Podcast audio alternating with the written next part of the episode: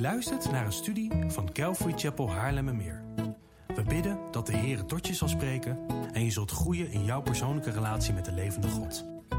Bezoek voor meer informatie onze website calvarychapel.nl. Dat is C-A-L-V-A-R-Y-C-H-A-P-E-L.nl. Uh, maar goed, vanmorgen wil ik iets gaan delen over de missie en de visie van de Calvary Chapel Haarlemmermeer. Uh, tegenwoordig uh, word je als organisatie niet serieus genomen tenzij je een duidelijke missie en visie hebt geformuleerd. Uh, het staat op bijna elke website. En in de kerk, kerkwereld is dat ook zo. Alleen wij willen als plaatselijke gemeente en als church planting beweging, dus een, een beweging die kerken sticht, niet allerlei um, mooie kreten gaan verzinnen. Uh, we willen puur vanuit de Bijbel het een en ander belichten over wat wij geloven dat Gods missie en visie is. En dat in een beknopte missie- en visiestatement zetten. Uh, het is een werk in uitvoering. Dus we hebben nog niet precies kunnen formuleren hoe onze missie- en visiestatement er precies uit gaat zien. Maar vanmorgen wil ik wel een aantal sleutelversen uit de Bijbel uh, belichten, die uiteindelijk bepalend zijn voor onze missie en visie als Calvary Chapel. En wat ik vanmorgen ga delen is niet nieuw. Het is iets dat ik vanaf het begin al voor Calvary Chapel voor ogen had. En dit zal tot de opname van de gemeente uh, zo blijven. Dus maak je alsjeblieft geen zorgen.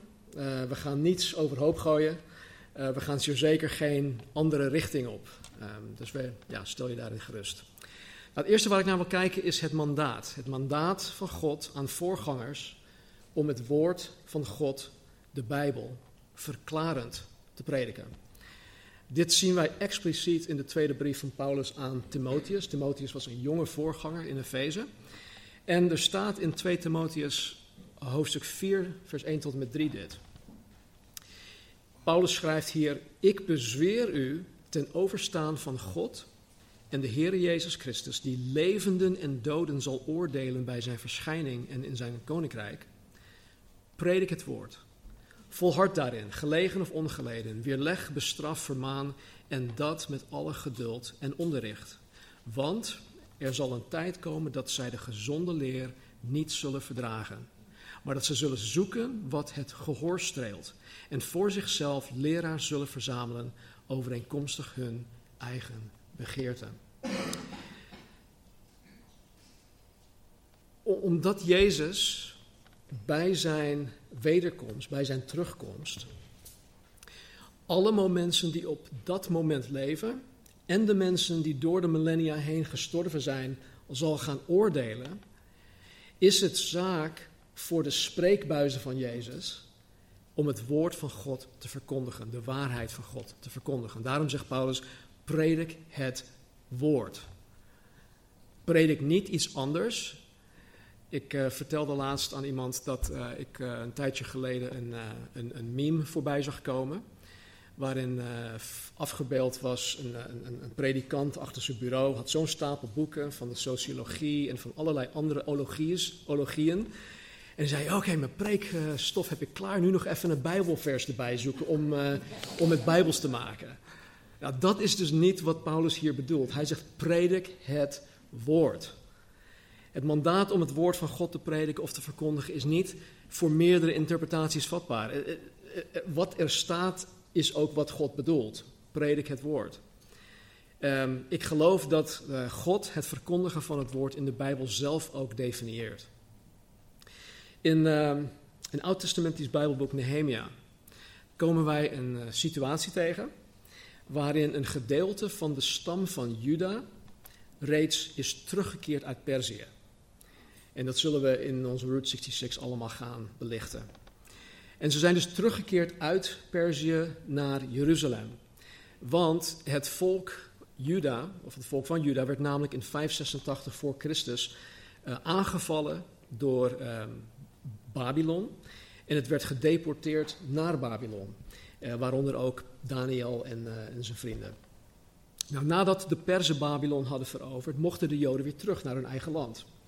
En Nehemia, deze ene Nehemia, zorgde ervoor dat uh, wanneer alles ja, terugkeerde, dat de stadsmuur herbouwd werd. Want het was afgebroken, het was verbrand. En de stad Jeruzalem had totaal geen bescherming tegen aanvallen van buitenaf. Dus hij zorgde ervoor dat de stadsmuur herbouwd werd. En dat de Joden dus niet alleen fysiek terugkeerden naar Jeruzalem, maar dat zij ook geestelijk terugkeerden naar het woord van God, de Bijbel. En uh, dat zien we zo meteen dus ook in Nehemia hoofdstuk 8. Dus nadat alle bouwwerkzaamheden af waren, riep Nehemia alle mensen bijeen. En dan staat er dit. Heb ik het goed? Ja. In Nehemia hoofdstuk 8, vers 1. Toen de zevende maand aanbrak en de Israëlieten in hun steden waren, verzamelde heel het volk zich als één man, dus echt eensgezind, op het plein dat voor de waterpoort ligt. En ze zeiden tegen Ezra de schriftgeleerde dat hij het boek moest brengen met de wet van Mozes, die de Heere Israël had geboden. Ezra de priester bracht de wet voor de gemeente, zowel mannen als vrouwen en al wie wat zijn verstand betrof in staat was ernaar te luisteren, op de eerste dag van de zevende maand. Hij las daaruit voor, voor het plein dat voor de waterpoort ligt, vanaf het morgenlicht tot de middag, een lange preek ten overstaan van de mannen, de vrouwen en van hen die wat hun verstand betrof in staat waren ernaar te luisteren. Dus mensen die, dus kinderen die het ook konden begrijpen.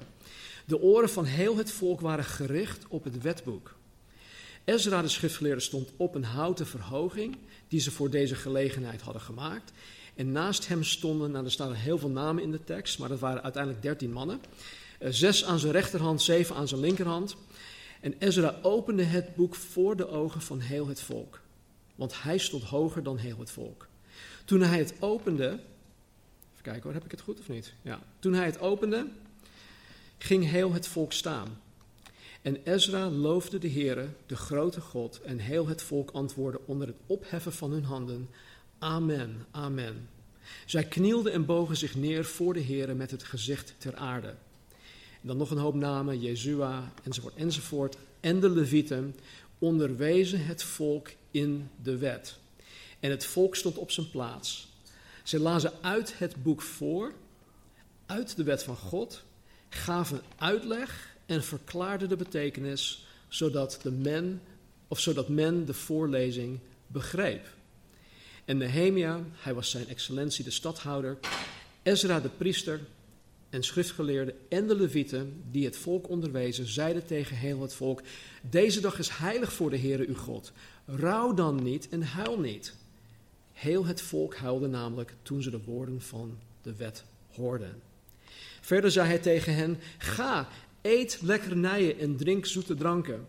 En deel uit aan hen voor wie niets is klaargemaakt, want deze dag is heilig voor onze Heere. Wees niet bedroefd, want de vreugde van de Heere, dat is uw kracht. De levieten deden heel het volk zwijgen door te zeggen: Wees stil, want deze dag is heilig. Wees daarom niet bedroefd. Toen ging al het volk weg om te eten en te drinken, om uit te delen en grote vreugde te bedrijven. Want zij hadden de woorden begrepen die men hun bekend had gemaakt. Tot zover. Maar het voor mij, uh, waar, waar het mij voornamelijk om gaat in dit gedeelte, is dit. De levieten onderwezen het volk in de wet. Het volk stond op zijn plaats. Zij lazen uit het boek voor, uit de wet van God, gaven uitleg en verklaarden de betekenis, zodat men de voorlezing begreep. Um, Nehemia, Ezra, de schriftgeleerde en de levieten verklaarde hier de Bijbel. En zij maakte de Bijbel klaar. Ze maakte de Bijbel helder, zodat de mensen de Bijbel kon begrijpen. En dit is hoe voorgangers het woord van God horen te verkondigen. Dit is wat de apostel Paulus bedoelde met predik het woord. En dit is wat wij vandaag de dag um, verklarend prediken noemen. Even kijken waar ik, waar ik hem heb staan. Deze. Verklarend prediken. En dit is wat God mij als voorganger en Casper als assistent-voorganger en anderen in deze gemeente die het woord verkondigen, dit is wat God um, ons heeft opgedragen. Opgedragen, ja. Om te doen, ehm, hè, wanneer ik, om dit te doen wanneer ik de Bijbel opensla. En weet je, ik ben blij dat ik weinig feedback van jullie krijg. Want ehm, sommige mensen zijn geneigd om uh, tegen de voorganger te zeggen: Oh, je wat een prachtige, inspirerende preek was dat. Ik ben echt zo bewogen, dit en dat. Dat wil ik niet horen. Wat ik wel heel graag wil horen is: hey, ik begrijp nu wat dit schriftgedeelte betekent. En dat, dat is dan ook ja, de bedoeling van wanneer, van wanneer wij de Bijbel openslaan, is dat wij het samen gaan begrijpen. Het gevolg van het verklaren van de Bijbel was dit. Toen ging al het volk weg om te eten en te drinken, om uit te delen en grote vreugde te bedrijven, want zij hadden de woorden begrepen die men hun bekend had gemaakt. Nou, simpelweg is um, verklarend prediken het uitleggen wat de schrift betekent. Wat het betekent in de historische, in de culturele en in de grammatische context. Het gaat om het uitleggen wat de Bijbel te zeggen heeft aan een hedendaags publiek, hè, 2020, dat niet bekend is met de culturele en historische omgeving waarin de schrift geschreven is. En, en dit vereist ijver. Dit vereist zorgvuldigheid in, in het bestuderen van de Bijbel. Vandaar dat het Ezra de schriftgeleerde was die de Bijbel opende. En vandaar dat Paulus tegen dezelfde voorganger Timotheus schrijft om zich te beijveren in het rechtsnijden van het woord van God. Dat zegt hij in 2 Timotheus 2:15. En dit, dit rechtsnijden is, is een heel proces. Ik geloof dat iedereen het kan, maar ik geloof tegelijkertijd dat niet iedereen ertoe geroepen is om predikant te zijn. Maar we horen het allemaal, allemaal wel te weten hoe het woord van God recht te snijden. En wat ik net zei, het is een heel proces. En vandaar dat ik elke week, vooral sinds ik Route 66 ben begonnen, zo'n 35 uur nodig heb om de preek voor te bereiden. Voorheen was het, uh, ja, was het een makkie, 20, 20, 20, tot 25 uur. Maar nu met, met Route 66 is, is, die, is die tijd gewoon bijna verdubbeld. Um, de reden waarom Paulus het mandaat geeft en waarom wij in de Calvary Chapel dit, of het mandaat zo serieus nemen, is omdat wij geloven dat het woord van God, de Bijbel, gelijk staat aan God zelf. Ik had een maand geleden of zo een gesprek met iemand. Die was hier op bezoek en hij kon er niet bij dat, dat wij de Bijbel zo hoog hebben staan. En hij zei: Wil je mij nou vertellen dat jij God beperkt tot een boek? Dat was zijn, zijn, zijn antwoord. En maar God, God zelf zegt, uh, zegt heel veel hierover. Over Jezus schrijft de apostel Johannes dit. In het begin was het woord. En het woord was bij God. En het woord was God. Er staat letterlijk, en God was het woord. In de, in de grondtekst. En het woord is vlees geworden en het heeft onder ons gewoond. Nou, dat, dat zinnetje in het begin betekent niet in het begin van het evangelie van Johannes. Het betekent zelfs voor Genesis hoofdstuk 1 vers 1.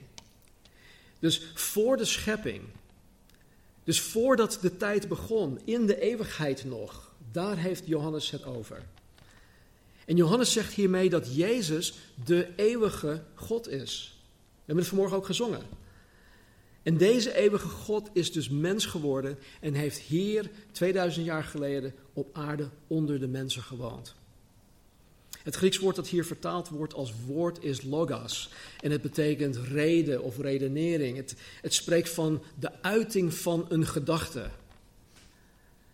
En Johannes wil hiermee duidelijk maken dat Jezus het levende woord is, oftewel de belichaming van de gedachten en van de reden van God zelf. Dus Jezus is dus het levende woord. Maar het geschreven woord doet niet onder aan het levende woord. In uh, 2 Timotheus 3, vers 16 en 17, dit moeten jullie echt onthouden, dit, dit, dit, dit, dit schriftgedeelte. Er staat, heel de schrift is door God ingegeven en is nuttig om daarmee te onderwijzen, te weerleggen, te verbeteren en op te voeden in de rechtvaardigheid.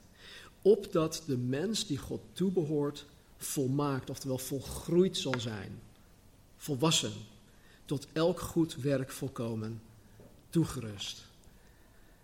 De apostel Paulus zegt profetisch, hè, want op dat moment van schrijven wees hij op het Oude Testament, maar hij spreekt dus profetisch dat de hele Bijbel, eh, zoals wij die nu hebben, een uiting is van de gedachten, van de reden van God. En dat de schrift door God ingegeven is, betekent letterlijk dat God het in de menselijke schrijvers heeft ingeblazen. Hij heeft het hun ingeblazen. Hij heeft hun geïnspireerd. Hij heeft het ingeblazen zoals, Ad, zoals God in Adam zijn levensadem inblies. Of zoals Jezus het geestelijk leven in de discipelen blies toen hij in Johannes hoofdstuk 21 op zijn discipelen blies en tegen hen zei: Ontvang de Heilige Geest. Dus omdat het woord van God gelijk is aan God zelf, is het logisch dat ik het geschreven woord van God verklaar.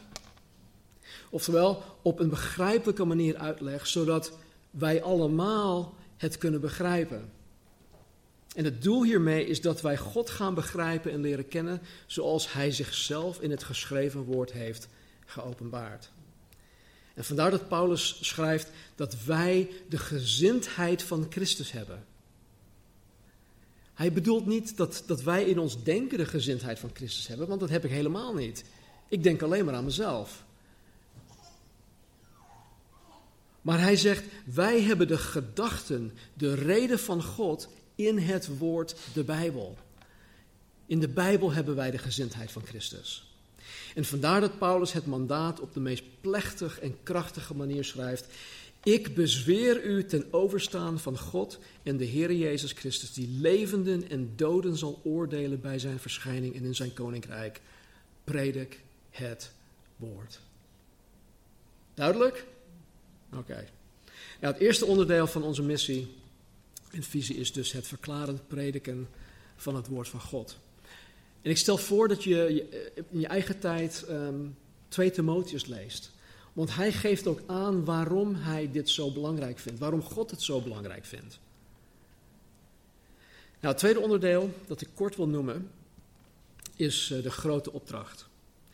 Wij zien in de vier evangeliën en in handelingen um, hoofdstuk 1 vijf facetten van de grote opdracht.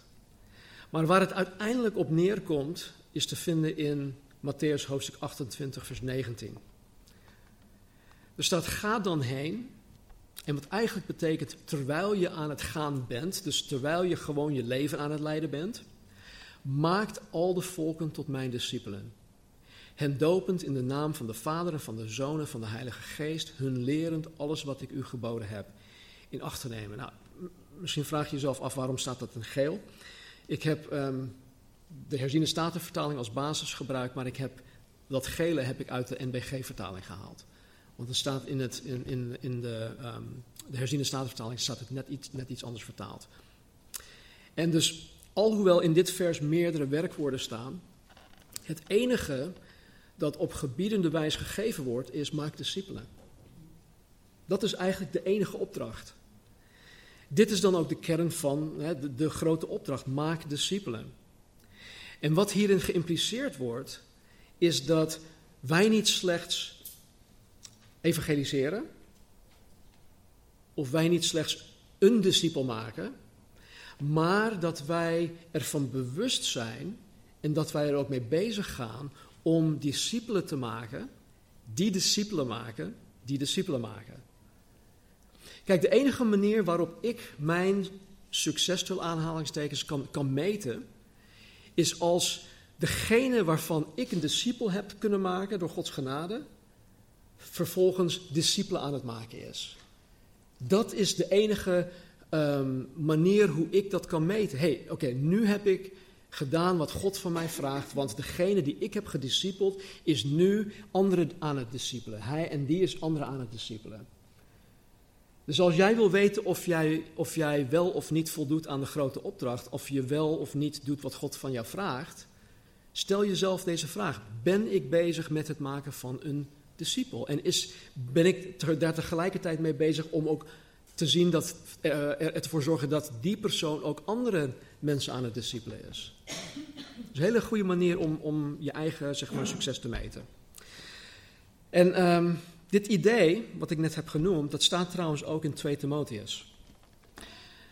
Paulus schrijft hier aan deze jonge voorganger Timotheus en hij zegt: Wat u, Timotheus, van mij gehoord hebt, onder vele getuigen, vertrouw dat toe aan trouwe mensen die bekwaam zijn om ook anderen te onderwijzen.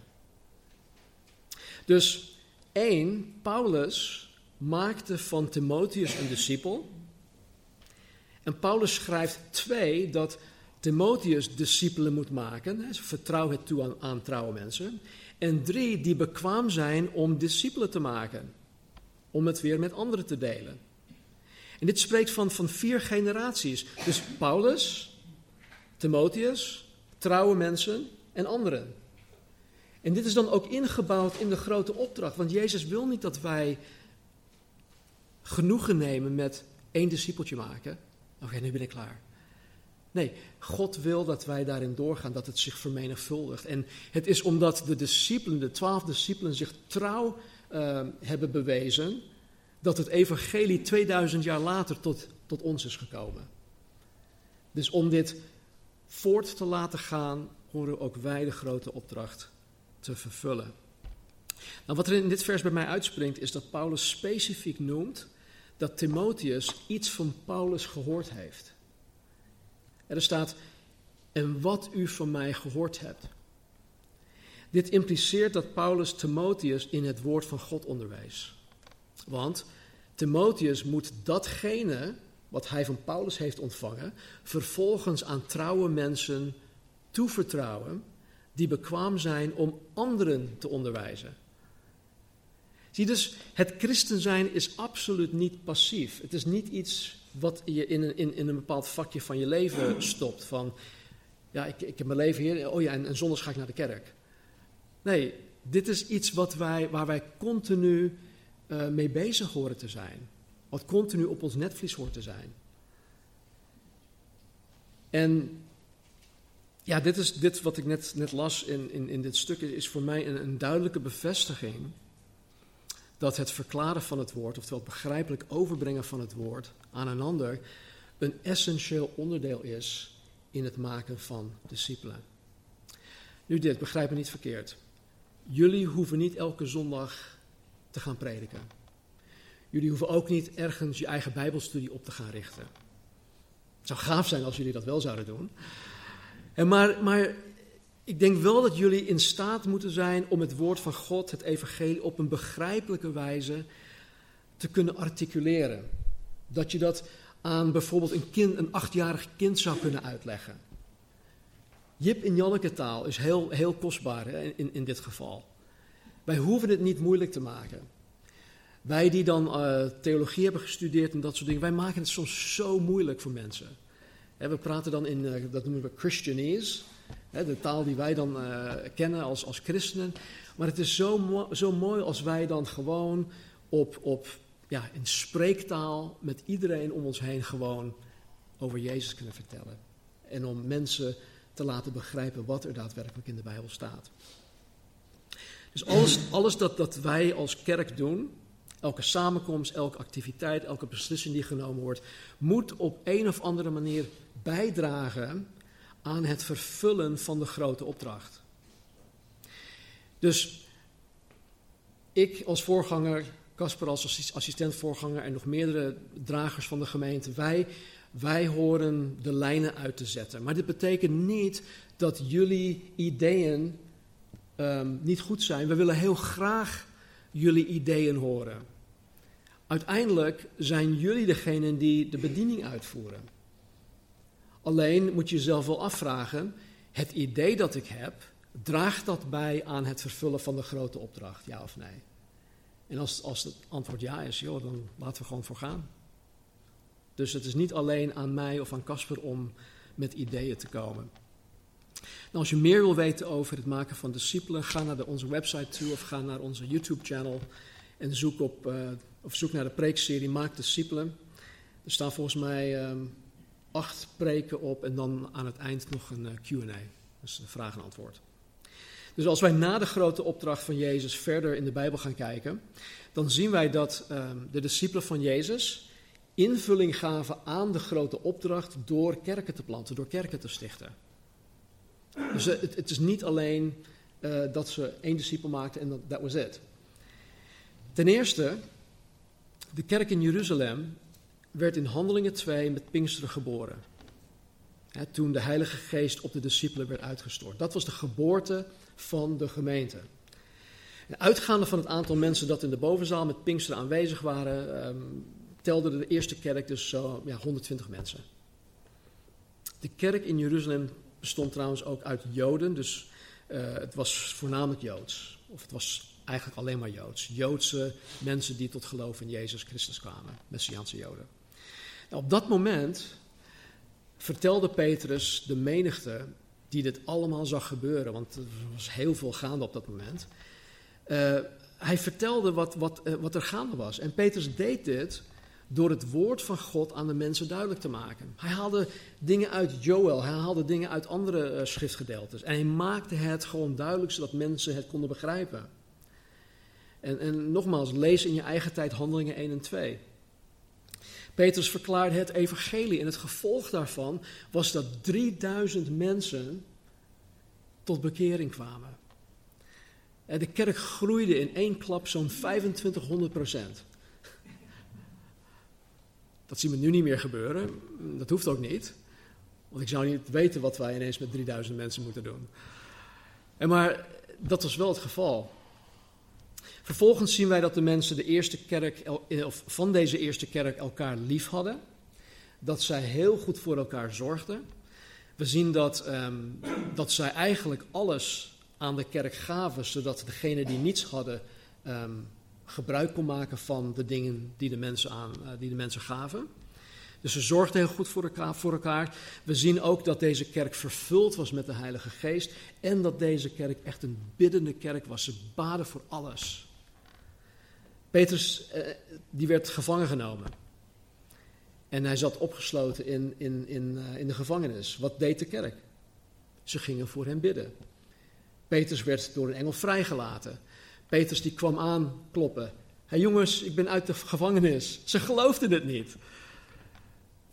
Terwijl ze ervoor baden. En dan, ja, wij doen het ook heel vaak. Dan bidden we voor iets en dan uh, geloven we niet dat God echt iets aan het doen is. Vervolgens zien wij in handelingen dat er door uh, de bediening van de discipelen ook steeds meer mensen tot geloof in Jezus kwamen. Ook zien wij dat doordat de niet-gelovige Joden in Jeruzalem uh, de christenen in Jeruzalem begonnen te vervolgen, waaronder Saulus, die Paulus werd. En de christenen werden dus verspreid door heel het land, richting het noorden, richting Klein-Azië, richting Europa. En dit heeft ertoe geleid dat er andere kerken werden gesticht.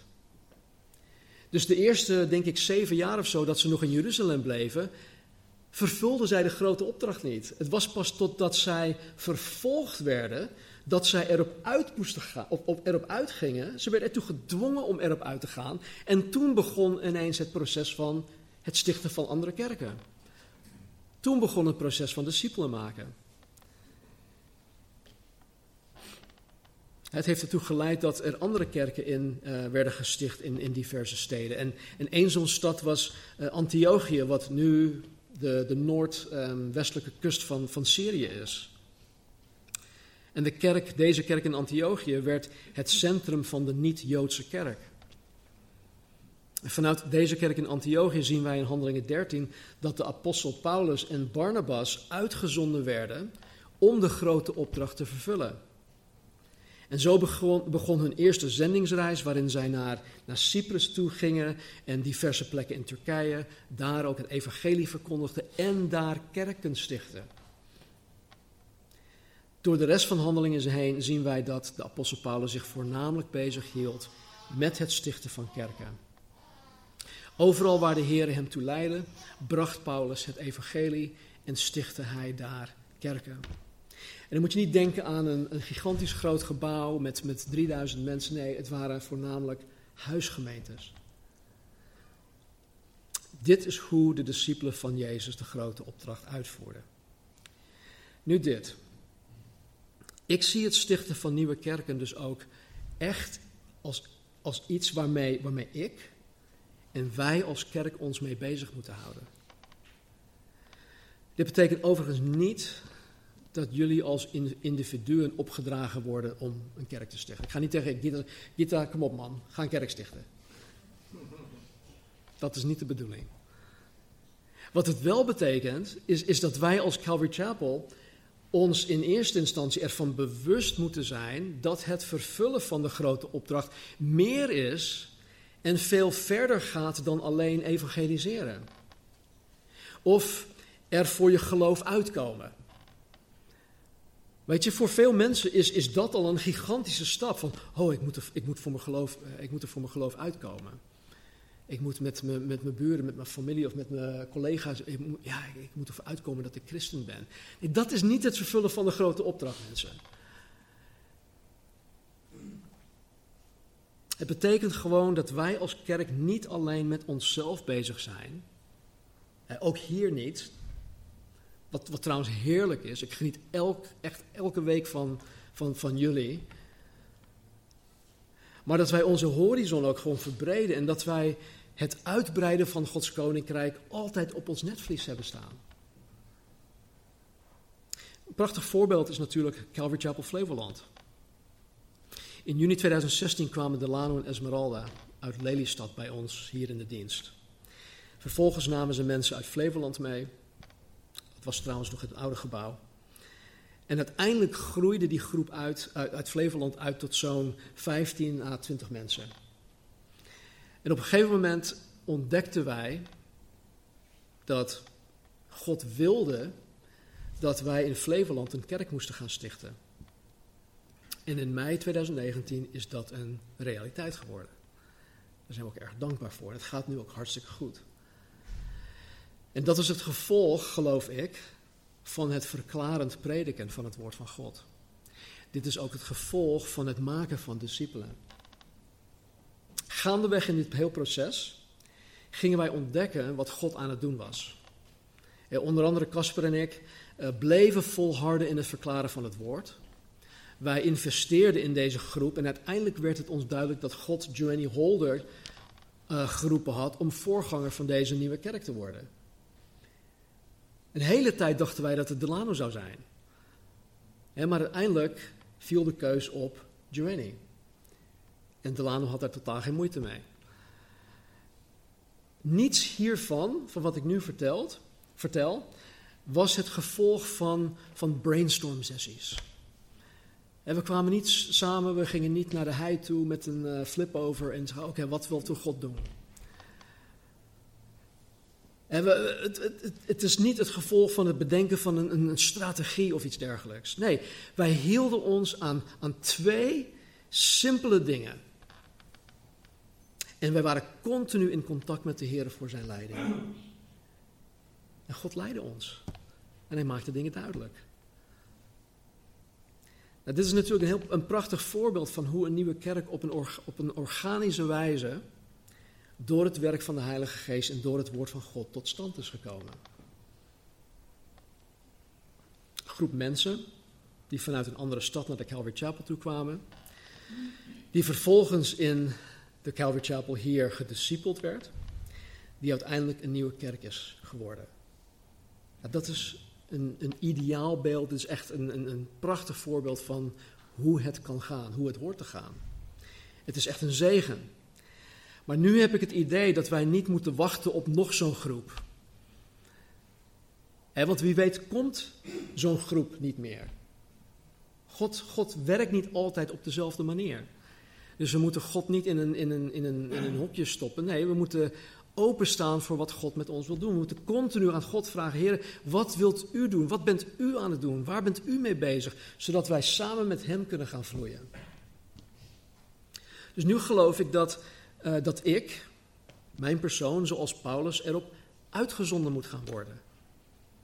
Erop uitgezonden moet worden om naar soortgelijke groepen te gaan die gelijkgezind zijn, die het woord van God willen rechtsnijden, die het woord van God verklarend willen prediken, die discipelen willen maken, die discipelen maken, die discipelen maken. En gelukkig bestaan er dit soort groepjes. Er zijn niet veel. Maar God heeft uh, een aantal mannen, mensen op, op, op mijn pad gebracht die dit heel graag willen. En die zijn verspreid door, het, door Nederland heen. En dit wil dus niet zeggen dat ik nu de, Calvary Chapel uh, Haarlemmermeer ga verlaten, maar het betekent wel dat ik wellicht meer naar buiten toe zal gaan treden. Uh, om, om anderen in Nederland hierbij te helpen. Om elders in Nederland bijbelonderwijzende kerken te gaan stichten. En zoals de eerste kerk een, een missionaire kerk was, een kerk die hun allerbeste uh, uitzonden om kerken te stichten, Paulus Barnabas, beter krijg je niet. Uh, een kerk die, de, ja, die dit zendingswerk dan ook ondersteunde in gebed en ook in, in middelen. Ik geloof dat God ook wil dat, dat, dat wij zo'n missionaire kerk zijn. En dat betekent bij voorbaat dat God ons daartoe wil gebruiken. God legt dit soort dingen niet voor niets op, op ons hart, op mijn hart, om te doen. Naar het woord. Dus bid hier alsjeblieft voor. Bid dat God jou ten eerste een hart geeft hiervoor. En dat je God vraagt van Heer, hoe kan ik u, u hierin het beste dienen?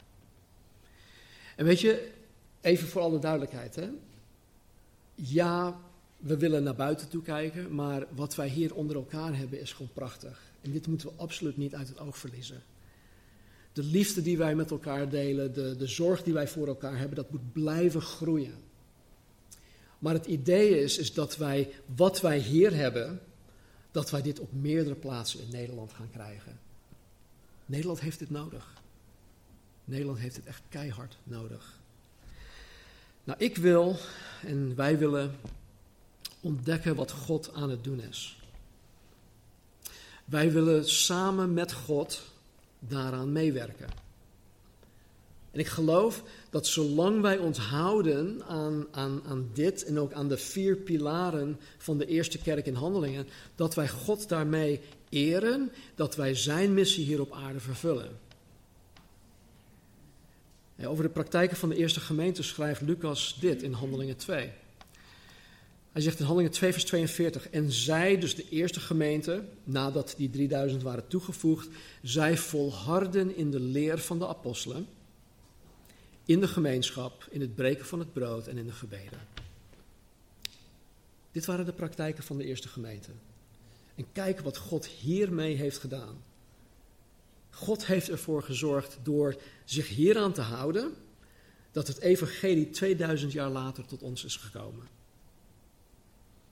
Dus we hoeven niet, gaan, we hoeven niet te brainstormen, we hoeven niet gaan, te gaan ontdekken wat, wat voor geweldig plan of programma God voor ons heeft. Nee, dit is het programma. Dit hier. Dit is Gods programma. De eerste kerk volhardde. Dit betekent dat het niet vanzelfsprekend is. Het betekent dat het niet makkelijk is of gemakkelijk is. Maar dat zij elke keer opnieuw er bewust voor moest kiezen.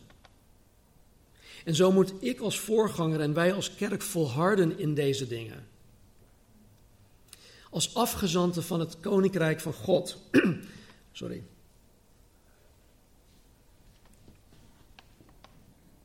Als afgezanten van het koninkrijk van God moeten wij de grote opdracht vervullen. Zodat de ieder van ons uiteindelijk die heerlijke woorden te horen zullen krijgen. Wanneer het daar tijd voor is. Goed gedaan. Goede en trouwe dienaar. Ik wil dat heel graag horen. Ik wil niet te horen krijgen van, uh, nou ja, leuk dat je er bent.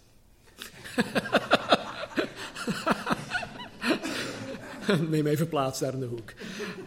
Nee, ik wil gewoon van Heer hoor. hey, geweldig Stan, je hebt echt goed gedaan, man. Goede en trouwe dienaar.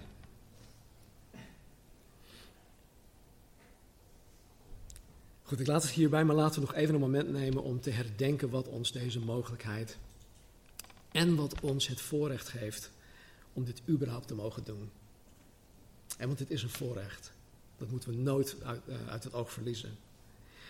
Dat wij überhaupt samen met de Heer zijn missie hier op aarde mogen vervullen. Paulus schrijft in de Colossensebrief, hij spreekt hier over Jezus. Ik heb het niet op de slide staan. Maar hij zegt, hij, Jezus, is het beeld van de onzichtbare God. De eerstgeborene van heel de schepping. Want door hem zijn alle dingen geschapen, dus door Jezus, die in de hemelen en die op aarde zijn, die zichtbaar en die onzichtbaar zijn, tronen, heerschappijen, overheden of machten, alle dingen zijn door Hem en voor Hem geschapen. En Hij, Jezus, is voor alle dingen.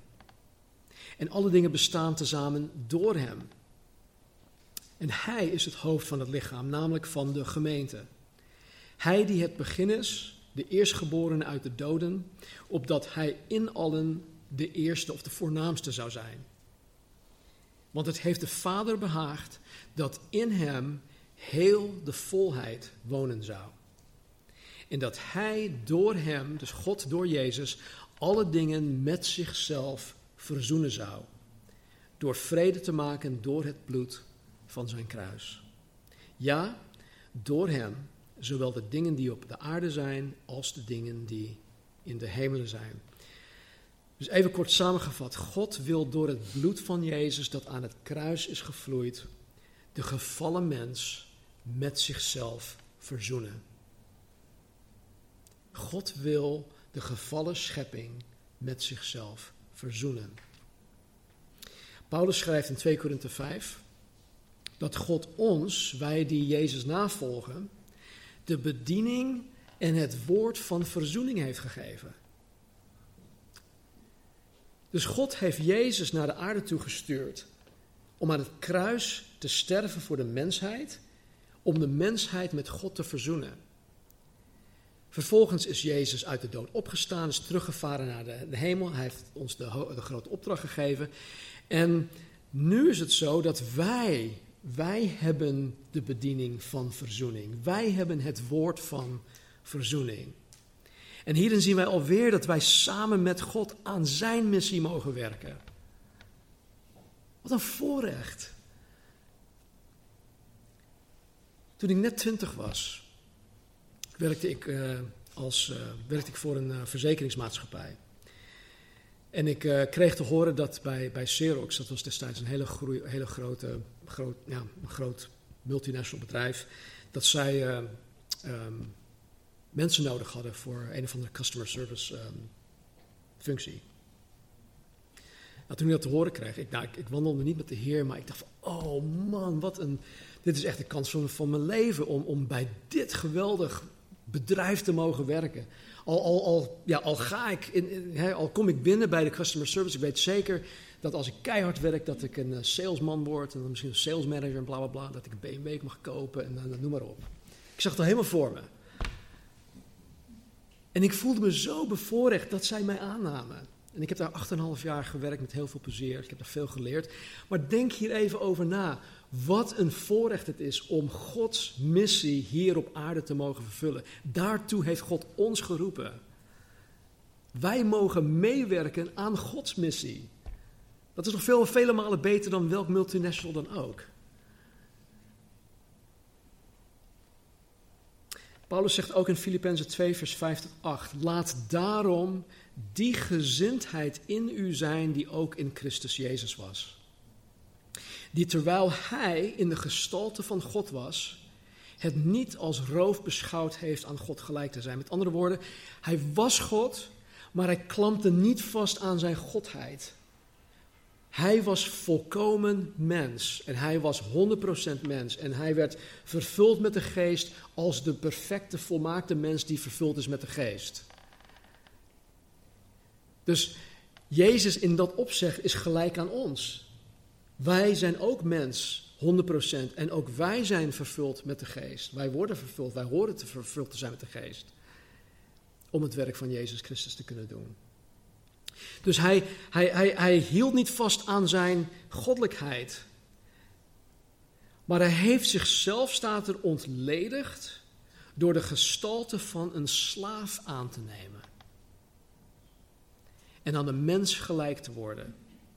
En in gedaante als een mens bevonden, heeft hij zichzelf vernederd en is gehoorzaam geworden tot de dood, ja, tot de kruisdood. Paulus roept ons op om die gezindheid te hebben die ook in Christus Jezus was. En dat is om bereid te zijn om een slaaf van God te zijn. Jezus heeft zichzelf vernederd zoals niemand hier op aarde zich zou kunnen vernederen. Nergens is daarmee, we kunnen dat met, met niets vergelijken. En hij heeft dit gedaan om jou en mij te redden. Om ons met God de Vader te verzoenen.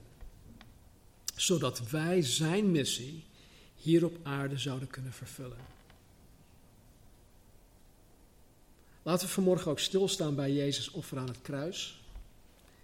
Stilstaan bij wat het hem gekost heeft. om zijn heerlijkheid in de hemel af te leggen. Om een kwetsbaar mens van vlees en bloed te worden. Stilstaan bij het feit dat de mensen die hij geschapen heeft, hem hebben verworpen, hem hebben gekruisigd. En dit allemaal voor ons. Dit allemaal voor jou en voor mij. Laten we bidden. Hemelse Vader, dank u wel dat u zo ver gegaan bent om ons met u te verzoenen. Heren, dat u ja, uw zoon gezonden heeft. En Jezus, dat u ertoe bereid was om uw hemelse heerlijkheid af te leggen om een kwetsbaar mens te worden. Wetende dat uw schepping, Heer, u zou verwerpen en u uiteindelijk zou kruisigen. En Heer, ik dank u, Jezus, dat u het niet hebt opgegeven. Zelfs toen u aan de Vader vroeg, O Vader, laat deze beker aan mij alsjeblieft voorbij gaan als dat mogelijk is. Met andere woorden, Jezus, u vroeg aan God de Vader, als het mogelijk is om mensen met u te verzoenen, als er een andere mogelijkheid hiervoor is, laat deze beker aan mij dan voorbij gaan. Laat mij niet aan het kruis te hoeven gaan. Maar ik dank u, Heer Jezus, dat u uzelf overgaf aan de wil van de Vader en dat u zei, niet mijn wil geschieden, maar uw wil, Vader. Want er was geen andere mogelijkheid om de mens te redden.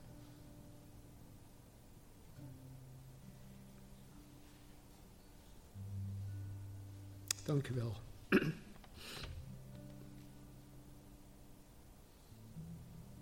Dank u voor het kruis.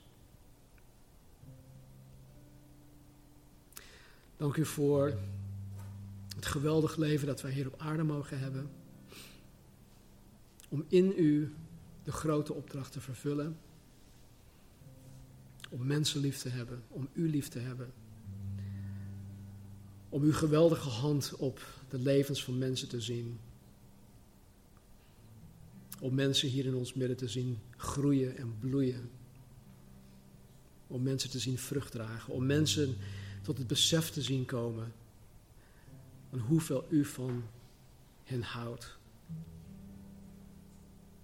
Om te zien dat mensen uw woord gaan begrijpen. Om te zien dat mensen u gaan zien. O Heer, wat een voorrecht om dit te mogen meemaken, elke dag opnieuw. Hier in Nederland heeft dit nodig. Heer, wat wij gegeven zijn door u, hier in Nederland, de rest van Nederland heeft het nodig. Help ons daarbij. Ik weet het niet, Heer. Ik heb geen, ik heb geen, geen geweldig plan, maar u wel. Dus maak uw plan kenbaar. Doe het werk in elk individu. Om ieder persoon ertoe te bewegen om uw missie hier op aarde te willen vervullen. Bekwaam ons. Vervul ons met uw geest, zodat wij de gaven die we nodig hebben, Heer, om dit te doen, dat wij die ook krijgen. Heer, we willen alles tot eer en glorie van uw naam doen.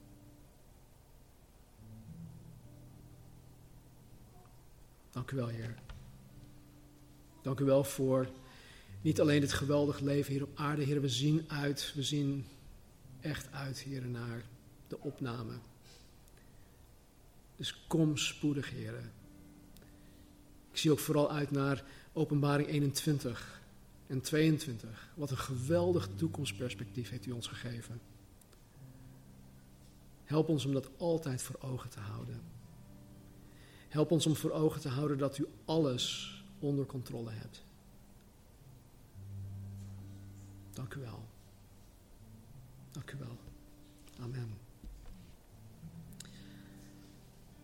Matthäus 26 staat dat terwijl zij aten, dus Jezus met zijn discipelen, nam Jezus het brood en toen hij het gezegend had, brak hij het en gaf het aan de discipelen en hij zei, neem, eet, dit is mijn lichaam. Hij nam ook de drinkbeker en nadat hij gedankt had, gaf hij hun die en zei, drink allen daaruit. Want dit is mijn bloed, het bloed van het nieuwe verbond, dat voor velen vergoten wordt tot vergeving van zonden. Weet je, we zijn soms zo. Um, um, we doen soms zo moeilijk. En wanneer we gefaald hebben, wanneer we gezondigd hebben, dan gooit de Satan altijd een paar schepjes bovenop. En hij zorgt ervoor dat wij ons niet goed genoeg voelen. Dat wij God niet waardig zijn. En dat wij, ja, eigenlijk beter gewoon geen christen moeten zijn. Want wij, want wij zijn toch niet goed genoeg. Weet je, ik wil je iets vertellen. Niemand is goed genoeg.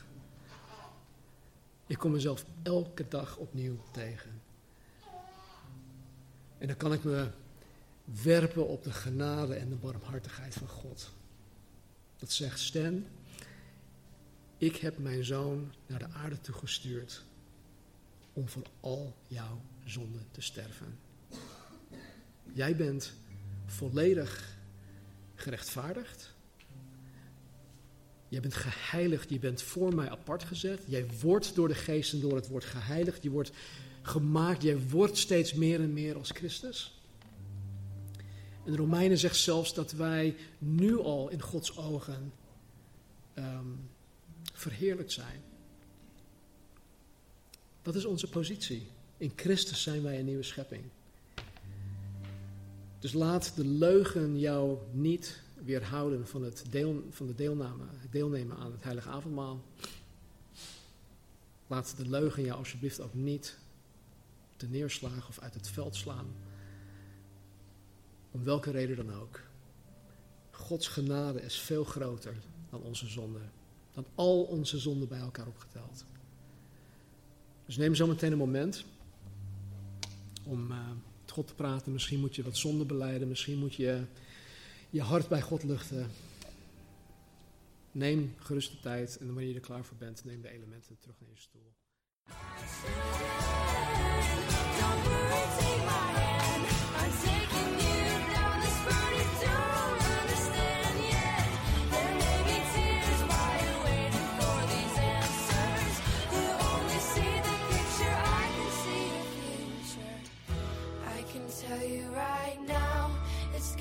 be all.